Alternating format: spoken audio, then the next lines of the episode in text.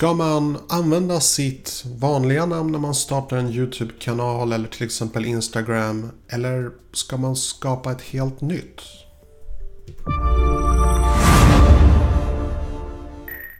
Hej, mitt namn är Tommy. Välkommen till min kanal där jag hjälper dig att bemästra social media idag. Så i dagens video ska vi prata om det här om vad ska man välja för namn när man startar en YouTube-kanal eller ett Instagram-konto eller Snapchat. Ska man välja sitt eget eller ska man hitta på ett helt nytt? Eh, och det finns eh, väldigt många tankar och teorier, fördelar och nackdelar med båda alternativen. Men jag tror att jag börjar med att göra den här väldigt kort och enkelt. Och det är helt enkelt, det är oftast en bra idé att starta ett helt nytt namn. Och det har med ett par olika saker att göra. För det första, eh, att använda pseudonymer i verkligheten och i, på nätet kan skydda din identitet i den mening att om jag till exempel, jag använder en pseudonym, jag heter inte Tommy Starson egentligen. Och det gör att jag behöver inte oroa mig om någon liksom eh, googlar på vart jag bor och dyker upp framför min port till exempel.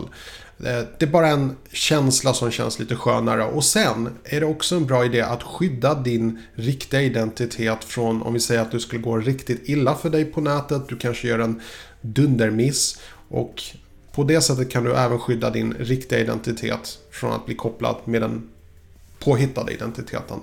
Men det här är bara what if situationer som sällan uppstår. Det absolut viktigaste anledningen varför jag skulle påstå att du behöver skapa ett nytt namn, det är för att när du skapar en kanal, det är inte bara ett namn och en identitet. Det är någonting av en branding. Det är en personlig branding. Det är någonting du lägger ut där på marknaden och du försöker attrahera tittare och lyssnare och, och så vidare.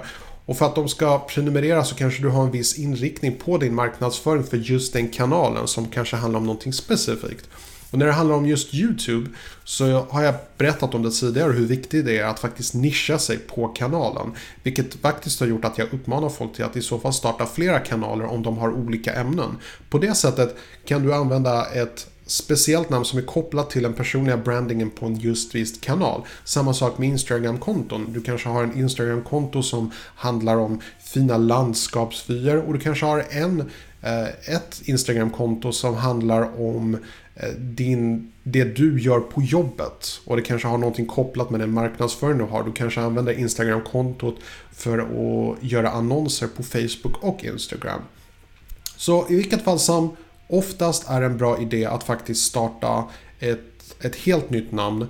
Och eh, gärna någonting som har att göra med ämnet i sig. Det är lite, jag skulle säga som att när du startar ett social, social media kontonamn så ska du tänka lite som ett företag. Vad handlar det här företaget om? Hur unikt är det? Om vi säger att du har ett väldigt vanligt namn som säger Tommy Nilsson.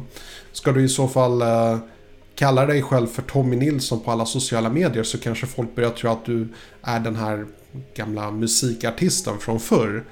Så du kanske vill hitta någonting lite mer unikt. Och det kan bara gälla att du kanske bara lägger till någonting extra eller kanske bara ändrar på någon stavelse eller kanske bara ändrar på efternamnet eller förnamnet.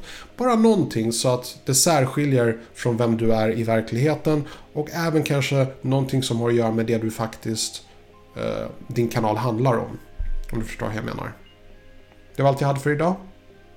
Avsnittet är slut men upplevelsen är inte över. Klicka dig vidare till ett av många rekommenderade avsnitt. Men om du har någonting viktigare för dig just nu, glöm inte att prenumerera så att du inte missar framtida avsnitt som kommer varje morgon klockan 07.00. Detta är din uppväckning.